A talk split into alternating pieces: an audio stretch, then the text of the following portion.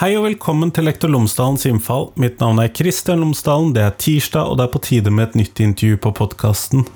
Denne gangen så handler intervjuet om spiseforstyrrelser, og hva som det er viktig at vi i skolen tenker på, hvordan vi møter dette, hva det er viktig at vi har innsikt i, hvilke hjelpeapparatsmuligheter som finnes, osv. Så, så jeg snakker med Kristin Børresen, Daniel Spjell og Anne Pia Lystrup, som har ulike roller i arbeidet til ROS, rådgivning om spiseforstyrrelser som har hovedkontor i Bergen. Sånn at de prater jeg med denne gangen. Hva trenger vi å vite? Hva er forskjellen på ulike spiseforstyrrelser? Hva er det egentlig det viktigste at vi vet? Osv. Dette her, det tror jeg kan være en nyttig episode for veldig mange av oss, særlig når vi kommer litt opp i alderstrinnene. Men også for de med yngre, dessverre.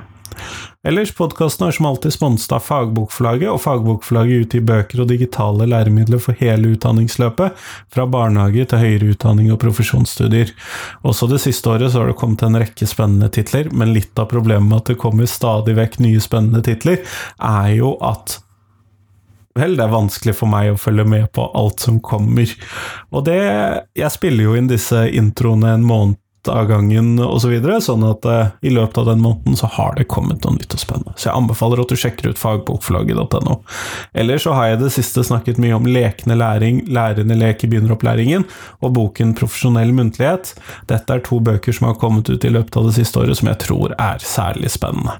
I den første, altså Lekende læring og lærende lek i begynneropplæringen, så handler det om lek og ulike tilnærminger til lekbasert undervisning innenfor fag på tvers av fag i skoledagen og selvfølgelig også for å jobbe med skolemiljøet, og det siste kan nok være utrolig viktig. I boken Profesjonell muntlighet det er en bok for oss lærere. Der handler det om stemmebruk, retorikk, diksjon, og den er skrevet for alle som lever av å snakke. Det tror jeg du vil sette pris på. Så sjekk ut fagbokflagget.no, og så får du høre nå Kristin, Daniel og Anne Pia. Vær så god.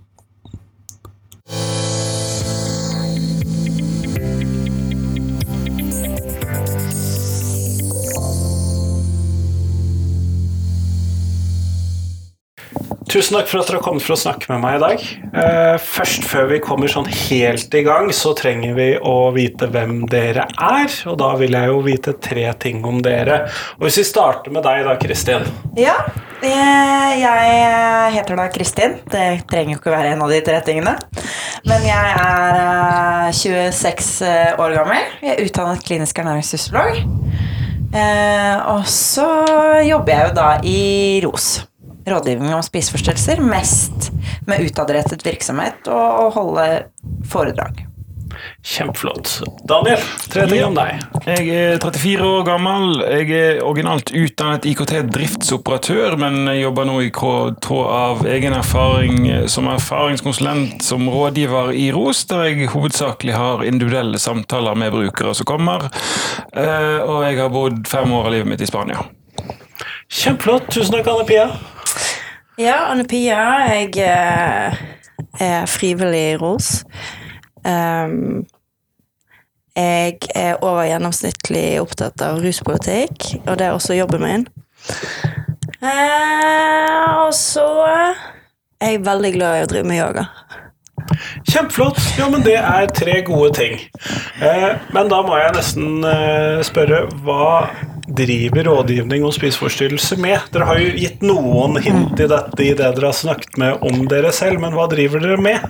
Eh, rådgivning om spiseforstyrrelser er en interesseorganisasjon som ønsker å være der for alle de som syns at mat, kropp og, og vekt er vanskelig.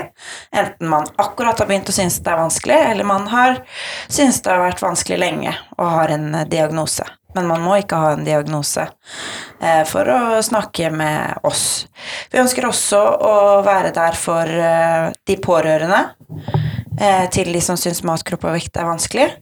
Eh, og vi ønsker å være der for andre som møter på problematikken, og spesielt da eh, skolesystemet. Lærere, helsesykepleiere. Nettopp. Og dere hadde da både frivillige og eh, bruker, brukerkonsulent? Brukere som kommer inn. altså Vi har individuelle samtaler med de som eh, Kristin her beskriver. altså Om det er pårørende, om det er noen som er bekymret for at eh, de kan ha en utfordring knyttet til mat, kropp eller vekt, eller noen som har slitt i en årrekke egentlig med den utfordringen, kan komme til oss og ha en samtale. Da er det ikke konkret behandling, men en én-til-én-samtale med noen som forhåpentligvis kan forstå, da, siden de fleste jobber hos oss har en eller annen form for egen erfaring med eh, ja, knyttet til utfordringer med mat, kropp, vekt, trening, den type. Vi tilbyr en slags dobbeltkompetanse med det at eh, mange har en helsefaglig eh, bakgrunn, men også enten en pårørende erfaring eller har opplevd å ha utfordringer med mat, kropp, vekt og eventuelt trening selv. Så det er et ganske bredt felt dere skal dekke, da. Så absolutt. Ja, det er jo gründer. Vi har jo også en chattetjeneste som driftes, eh, der folk kan ta kontakt som er så lav terskel som mulig. Det er som Kristin sier, Vi har mye informasjonsarbeid, der vi har foredrag ute på skoler. Vi har magasin, vi har eh, nettpresence i forhold til Facebook, Instagram, TikTok har vi kommet nå på. Så, så det er ganske mye, og det handler jo i stor grad også om å spre informasjon til alle, i tillegg til at de individuelle som har problemer, kan komme til oss og snakke om det. Bryte myter rundt spiseforstyrrelser, for det finnes det jo mange av. Absolutt. Det regner jeg med at det er en del, og jeg mistenker at det er en del av de mytene jeg ikke er klar over at det er myter også. Eh, så det høres jo ut som dere har eh, ganske mye å komme med av informasjonsmateriell osv. til skoler, som dere har nevnt at dere har foredrag for. Så, men hva er det dere tar Det opp? da? eh, det har vi absolutt, og det er jo også mulig Nå har jeg ikke den nettsiden eh, i hodet, men eh, det fins en side hvor man kan bestille, bestille gratis materiell til skoler, da. Um, nå hørte jeg ikke helt hva spørsmålet var, men eh, Nei, jeg tror faktisk ikke jeg stilte et klart formulert spørsmål. Eh, Så godt at du sier det. Men når dere da kommer ut til disse skolene, hva er det dere da snakker om, sånn faktisk? Nei, noe av det viktigste vi snakker om, er jo kanskje å, å, å um, spre et håp om at det er mulig å bli frisk. Um, vi som sitter her, er jo helt friske. Eh, og for å være frivillig og for å jobbe i ro, så må man være frisk. Men det er veldig mange som tror at hvis man først har fått en spiseforstyrrelse, så vil man slite med den resten av livet, da. Og det stemmer jo ikke. Um, en annen ganske kjent myte er jo det at man um, kan se på at noen har en spiseforstyrrelse, fordi at man tenker automatisk at de med en spiseforstyrrelse er veldig magre eller, eller tynne, men det stemmer jo heller ikke. For de aller, aller fleste med en spiseforstyrrelse så er det helt usynlig. Ja, jeg har jo lagt merke til at mediene har Før så brukte de bare bildet av denne eh, magre kvinne, ofte en kvinne som de hadde bilde av, mens de nå også har fått inn denne veldig muskuløse mannen. Eh, Så jeg mistenker at dere muligens har en skyld i at de også har tatt inn dette som en av perspektivene. Eh, Vi har hatt mer fokus på ikke minst menn og spiseforstyrrelser, men det er jo også gjerne to av de ekstreme formene der man kan se det på mennesket. Det er lett å velge et bilde. Ja, sant. Eh, Og det er jo også veldig fokus da på her sånn som de så ut, sånn ser de ut i dag. Spesielt når det kommer til spiseforstyrrelser som kan være knyttet til overvekt. Eh, Men som Kristin sier her, altså de fleste som har en spiseforstyrrelse, kan du ikke se det på. Og det kan fremdeles påvirke livskvaliteten i en ekstrem grad. Og det er en av de store mytene som man gjerne skal knuse litt, at uh, mange møter på utfordringer knyttet til å få hjelp. At de kommer til, eh, om det er fastlegen og får beskjed om at uh, nei, BMI-en din er for høy eller for lav, og da tar man ikke tak i de underliggende problemene. Man går bare på overflaten og går på det fysiske. og da får man effektivt sett beskjed om at du må bli sykere før du kan bli, få hjelp til å bli frisk. Og Det er ofte litt leit. Det er veldig leit. for Da blir veien ut av det lengre.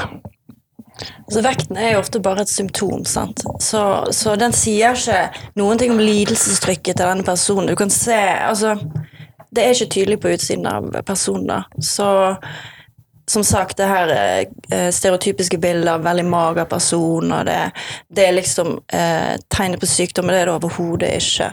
Det er på en måte så mye mer enn eh, en vekten man har, da, som et resultat av det ene eller det andre spisemønsteret. Men for meg som da jobber i en skole, så skal jo jeg passere i beste fall 25 elever i, i løpet av en uke. Realiteten er vel kanskje ofte at jeg passerer 180 elever eh, som jeg har i klassene mine. Og så er spørsmålet da hva trenger jeg som lærer å vite om spiseforstyrrelser, utfordringer knyttet til kropp og trening? Hva, er det jeg bør ha i bakhodet hvis jeg skal kunne være best mulig lærer for de elevene jeg har, og de jeg skal møte i en travel hverdag? Ja, eh, jeg tenker at det er litt sånn øh, viktig å øh, tenke litt over hvordan man snakker om dette med vekt, eh, matkropp og, og vekt eh, selv. Vi er veldig opptatt av det i ROS. Eh, man kan aldri vite hvordan eh, noe man sier kan påvirke en annen. Og vi er sånn, i dagens samfunn litt sånn fort til å på en måte ta oss selv. åh, jeg kan ikke gå i de og de tingene fordi hun eller han er finere enn meg, eller eh, kler det mye bedre. Og så er det kanskje en som står på siden av deg som tenker å ja, men hvis ikke hun kan gå i de tingene fordi hun føler seg for stor, så kan iallfall ikke jeg det. Og så liksom sprer det seg sånn, da. Eh, og vi er jo Eh, veldig gode til å liksom plukke opp ting fra hverandre også. Eh, og, og ja At man er kanskje litt redd også for å si noe um, uh, At noen andre skal si noe om en, så man sier det først, da. Ja, ok, du skal ikke få kommentere hvordan jeg ser ut, eller hva jeg spiser, så jeg bare gjør det først. Jeg vet at jeg kanskje ikke burde spise dette kakestykket, men, men ja. Nå har jeg iallfall unnskyldt det, at liksom, ja, jeg vet det, men jeg gjør det likevel.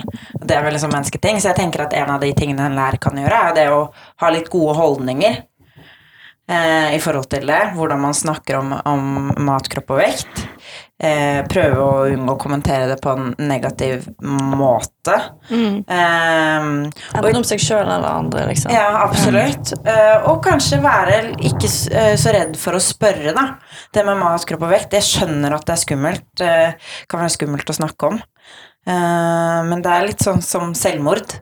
Eh, man, før så har man trodd at «Nei, nei, vi snakker ikke om det, for da kan man kan uh, man gjøre at noen, ja, smitte eller gjøre at noen får en, eh, tar, tar et selvmord, og det stemmer jo ikke. Nei. Psykiske lidelser smitter jo eh, ikke. Det er ikke en smittsom eh, sykdom. Så, nei, det er ikke det, og det er vanskelig å på en måte legge noen tanker i hodet til noen som ikke var der fra før av, når det gjelder dette med mat, kropp og vekt. Ja. Om noe så kan det heller øke bevisstheten når man først snakker om det. At ok, dette her har jeg gått og tenkt på, men tenkt at jeg har vært alene.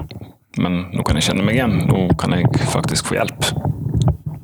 Og så er det en vanskelig rolle i forhold til som lærer å skulle plukke opp disse tingene. For det er som sagt så er ikke det nødvendigvis noe som er synlig. De fleste som sliter med det, kan du ikke se det på, og da er det vanskelig liksom skulle vite når skal jeg være bekymret. Det er kanskje ikke den gjennomsnittslæreren som er så tett på elevene sine at de kanskje betror seg til han eller hun. Eh, Det forekommer selvfølgelig også, men da er det litt mer den som Kristin sier, å ha rette type holdninger for å skape rom for at dette her er mulig å snakke om og normalisere det litt. At det ikke skal være så farlig. Fordi at ofte når jeg prater med f.eks. når jeg møter brukerorganisasjoner for ADHD f.eks., eller dysleksi, så er det tegn jeg kan se etter, eller det er liksom ulike ting som Hvis sånn, så bør du kanskje tenke på dette. Mens det her så er det da Det jeg forstår, er at eh, å oppdage da spiseforstyrrelser, eller at noen da er i en eller annen faresone for et eller annet, egentlig er veldig mye vanskeligere. Ja, og så kan det ligne veldig mye på veldig mange andre ting. Sant? For en med en spiseforstyrrelse trekker seg ofte eh, litt unna. Um, isolerer seg selv, man kan være mer nedstemt, man kan ha vanskelig for å konsentrere seg. Fordi Det høres ut som veldig mange andre ting òg. Ja, ikke sant? Og noen ganger så kan det bare være en vanlig Eller liksom tegnene på det å Pubertet, altså som gjelder da de fleste ungdom, sant? At man har humørsvingninger, er opp og ned, eh, disse tingene. Så det er vanskelig. Mm, man ser det som et helhetsbilde, da. Og for noen så er det selvfølgelig eh, fysiske ting som dette med, med, med vekt, men nedgang, oppgang, svingninger. Men vi ønsker jo at man, hvis man skal ta opp en bekymring, ikke nødvendigvis går rett til det, da, men ser det som et helhetsbilde. Hvordan har du det? Ja. Jeg har lagt merke til en ting som bekymrer meg litt. Jeg ser at du ikke er så mye med på ting lenger, eller Og så helst ikke kommentere vekten til personene. Tenker jeg. Ja, At, det- at ikke du ser bekymringen din på utseendet til personen, for da på en måte bekrefter du det der med at mamma ser sånn eller sånn ut for å ha syk av en spiseforstyrrelse. Så eh, på en måte bare generelt òg i livet unngå å, å kommentere på andre og egen kropp, liksom. Og det er jo sånn at eh, det vi hører flest, kanskje spesielt på chatten eh, Jeg og Anne Pia jobbet faktisk frivillig på chat sammen, i samme team. Eh, Men det vi hører oftest fra ungdom, er jo nettopp denne setningen her. Jeg er ikke syk nok ennå. Ja, men det har ikke blitt et stort nok problem ennå. Og det er helt normalt å tenke på mat, kropp og vekt innimellom, og spesielt kanskje for ungdom, fordi at det er så løftet opp i samfunnet vårt nå. Men så kan det bikke en grense. Og det er tre ting som er viktig for å bli frisk fra en spiseforstyrrelse, eller fri fra disse tankene med mat, kropp og vekt. Det er tidlig hjelp, riktig hjelp og nok hjelp. Og spesielt dette med tidlig hjelp. Kjempeviktig. For ellers tar det vel veldig mye lengre tid å gjøre noe med? Det kan det. Altså, det er jo også kanskje hvorfor man i samfunnet, eller mange tror at det ikke går an å frisk, bli frisk fra en spiseforstyrrelse, er fordi at det for noen tar ganske lang tid. Men det vil ikke si at det ikke er mulig å bli frisk. Man må bare få andre mestringsstrategier. For det er jo det i bunn og grunn en spiseforstyrrelse er. Det er en måte å mestre på. Og det blir jo et selvforsterkende mønster, så jo lenger man går med det, jo mer rutinert blir man med å bruke det som en automatisk eh, måte å håndtere noe på, som en mestringsstrategi. Og da er det jo vanskeligere å snu også noe man kanskje har gjort i 30-40 år, kontra noe man har gjort i 3-4 år. Jeg hører jo på mange måter noe som ligner på andre av den typen mestringsstrategier eller selvskadende strategier som for å fikse det som et eller annet. Og det kan være veldig vanskelig noen ganger å skille en spiseforstyrrelse fra annen eh, selvskading. For det å ikke spise kan jo være en måte å selvskade på. I tillegg det å spise seg ubehagelig mett kan være en måte å selvskade på. Så det er nok eh, eh, ja, en vanskelig linje for, for noen, da. Mm. Men det fungerer på samme måte. Det er noe man gjør for å holde det som er vondt og vanskelig unna. Så er det jo en ting man faktisk kan kontrollere i, til en viss grad. I motsetning til mange andre kaosting i tilværelsen, kanskje. Absolutt. Og det er jo det at liksom når ting er Det er krig, det er pandemi, det har vært pandemi med mye restriksjoner, regler som endrer seg over natta. Eh, hvis det er mye uforutsigbarhet også, og man ikke føler man har kontroll over det rundt, så har man kroppen. For den forsvinner man ikke fra, da. Den kan man ta kontroll av. Men Det blir liksom et eget, noe eget prosjekt. Og så gir det litt mestring i starten, og så blir det bare vanskeligere og vanskeligere og. Ja, for vi så jo en stor økning i spiseforstyrrelser under pandemien, så det er jo helt tydelig at det er ting ved den situasjonen som, som er vanskelig for noen å håndtere, da. Og da bruker de matkropp og vekt. Det er en veldig normal ting å bruke det. Altså, alle gjør det i en viss grad i forhold til altså, man har julaften man overspiser, eller man begrenser i perioder fordi at nå er sommer, sommeren snart. Og, Eller man har, det det er et eller annet som er litt kjipt, du tar en ekstra sjokolade. Ja, altså, Trøstespise, det er jo et begrep som brukes. Du har jo denne klisjeen med samlivsbrudd og en bøtte med is. Det er en grunn til at det eksisterer. Det har jo en funksjon, og det i seg selv er ikke farlig når det er en enkelt hendelse, men det er når det blir over tid at det blir utvikler seg til et problem. Og hvis det er den eneste måten man har å håndtere følelser på, som Mm. dere sier, det er, så, det er jo helt vanlig å spise noe ekstra godt hvis vi skal feire noe, eller ja, har gjort det bra på en kamp, eller har fått noe til. Eller omvendt, hvis man har eh, ja, Mm. tapt en kamp, f.eks. Men eh, man må ha flere, flere ting å spille på, da. Ikke nødvendigvis eh, bare dette med maten.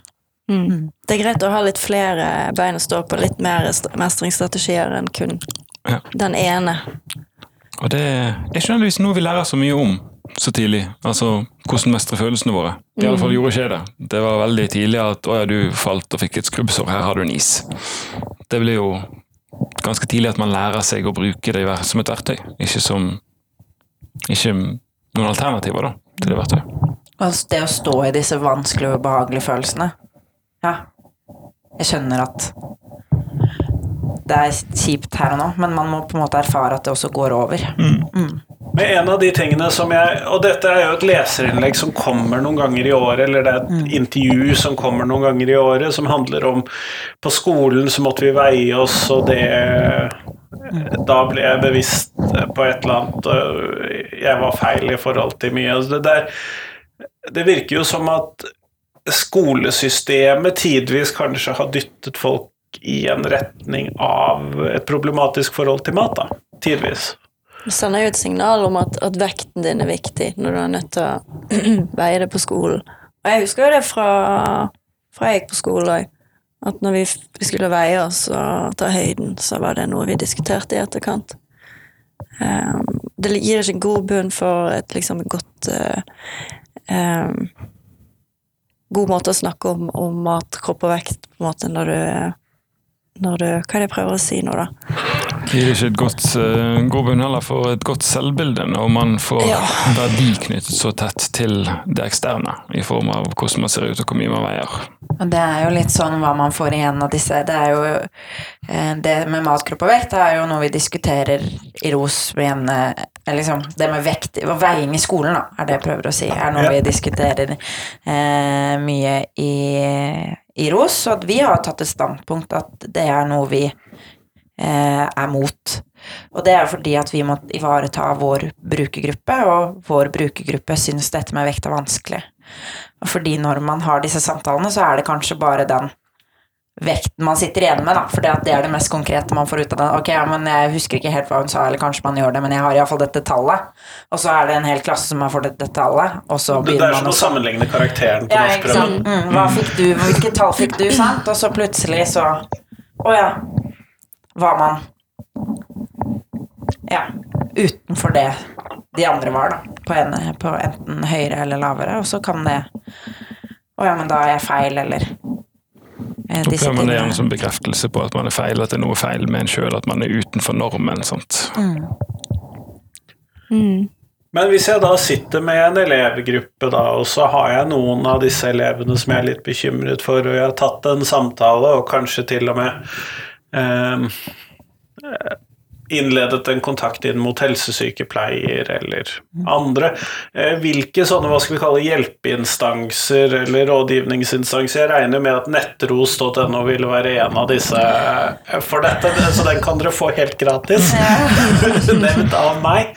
Men er det noen sånne andre sånne kilder eller møteplasser eller andre ting som elevene da kan rådgis til å oppsøke hvis det er dette som er en problemstilling?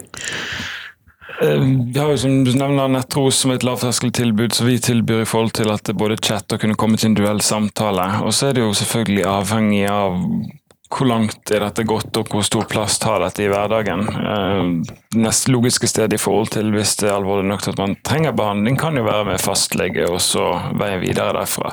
Dessverre vet vi også at det kan være utfordrende å komme til, at terskelen der kan være høy. Eh, Du må man- være syk nok. ja, det er den som går igjen, dessverre. Eh, Men altså, du har jo f.eks. Ung Arena, som potensielt kan være et sted å gå og snakke om den type ting også.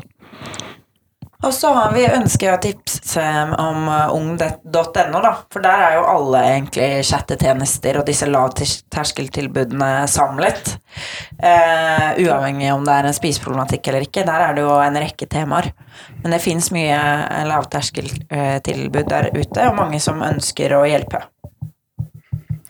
Og det kan jo være veldig greit å vite, særlig det siste der, at der finner du samlet oversikt over ganske mange av disse. Ja, absolutt. Um, innenfor Det er på en måte kategorisert innenfor ulike tema, da. Det pleier vi å tipse om. Vi pleier, vi pleier alltid å tipse om å snakke med noen. Eh, hvis ting er vondt eller vanskelig, noe man stoler på. Eventuelt helsesykepleier, fastlege. Hvis man synes det steget er litt grann eh, langt, og det er det jo for mange. ja, så kan man kanskje prøve å begynne med disse anonyme chattetjenestene, da. Hvis det, for mange føles det en del tryggere. Og der kan de risikere da å havne i samtale med dere to, skjønte jeg.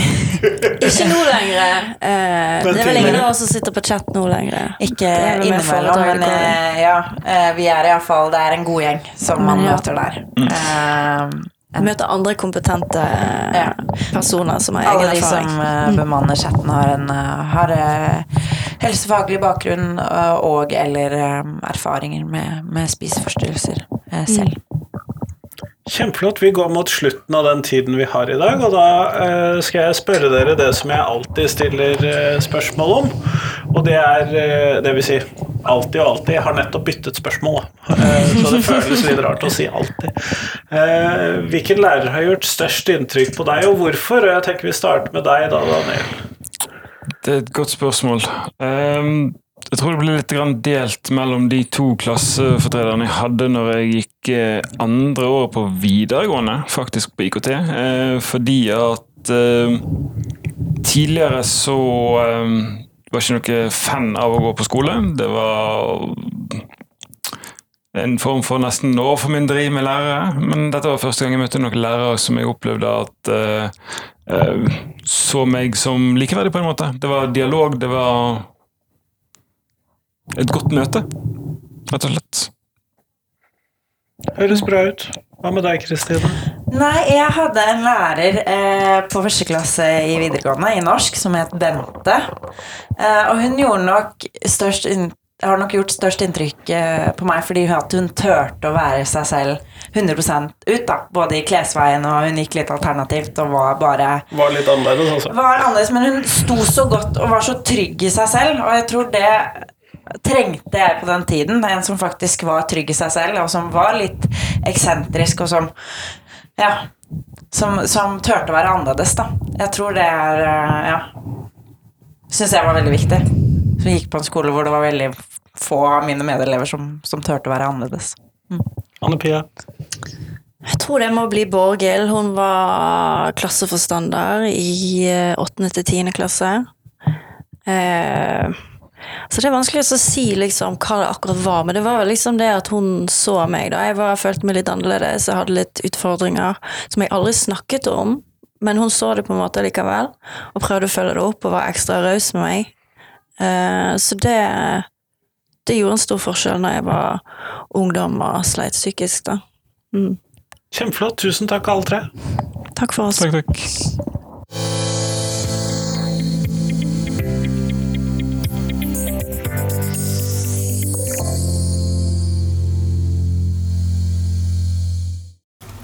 Tusen takk til Kristin, Daniel, Anne Pia og til deg som hørte på, selvfølgelig. Nå er det en uke igjen til det kommer en ny episode, og så sjekker vi på at det skal bli en Vi satser på at det skal bli en reprise på fredag, men så hender det jo at det kommer en ny episode isteden. Jeg klarer jo ikke alltid å holde meg i skinnet når jeg får gode ideer til nye episoder, men det finner vi ut av. Jeg håper at du tar deg muligheten til å ha Pass på at du har litt fri i alle oppkjøringen opp mot uh, slutten av skoleåret. Det er jo alltid krevende, sånn at jeg håper at du er med på det. På fredag er det jo uansett påskeferie, og da håper jeg at du faktisk klarer å la rettepunktene ligge hjemme. Men det finner vi ut av, og så kommer det selvfølgelig podkastepisoder gjennom hele påsken også, sånn at uh, kos deg med det. Men nå, ha en fin uke. Hei, hei.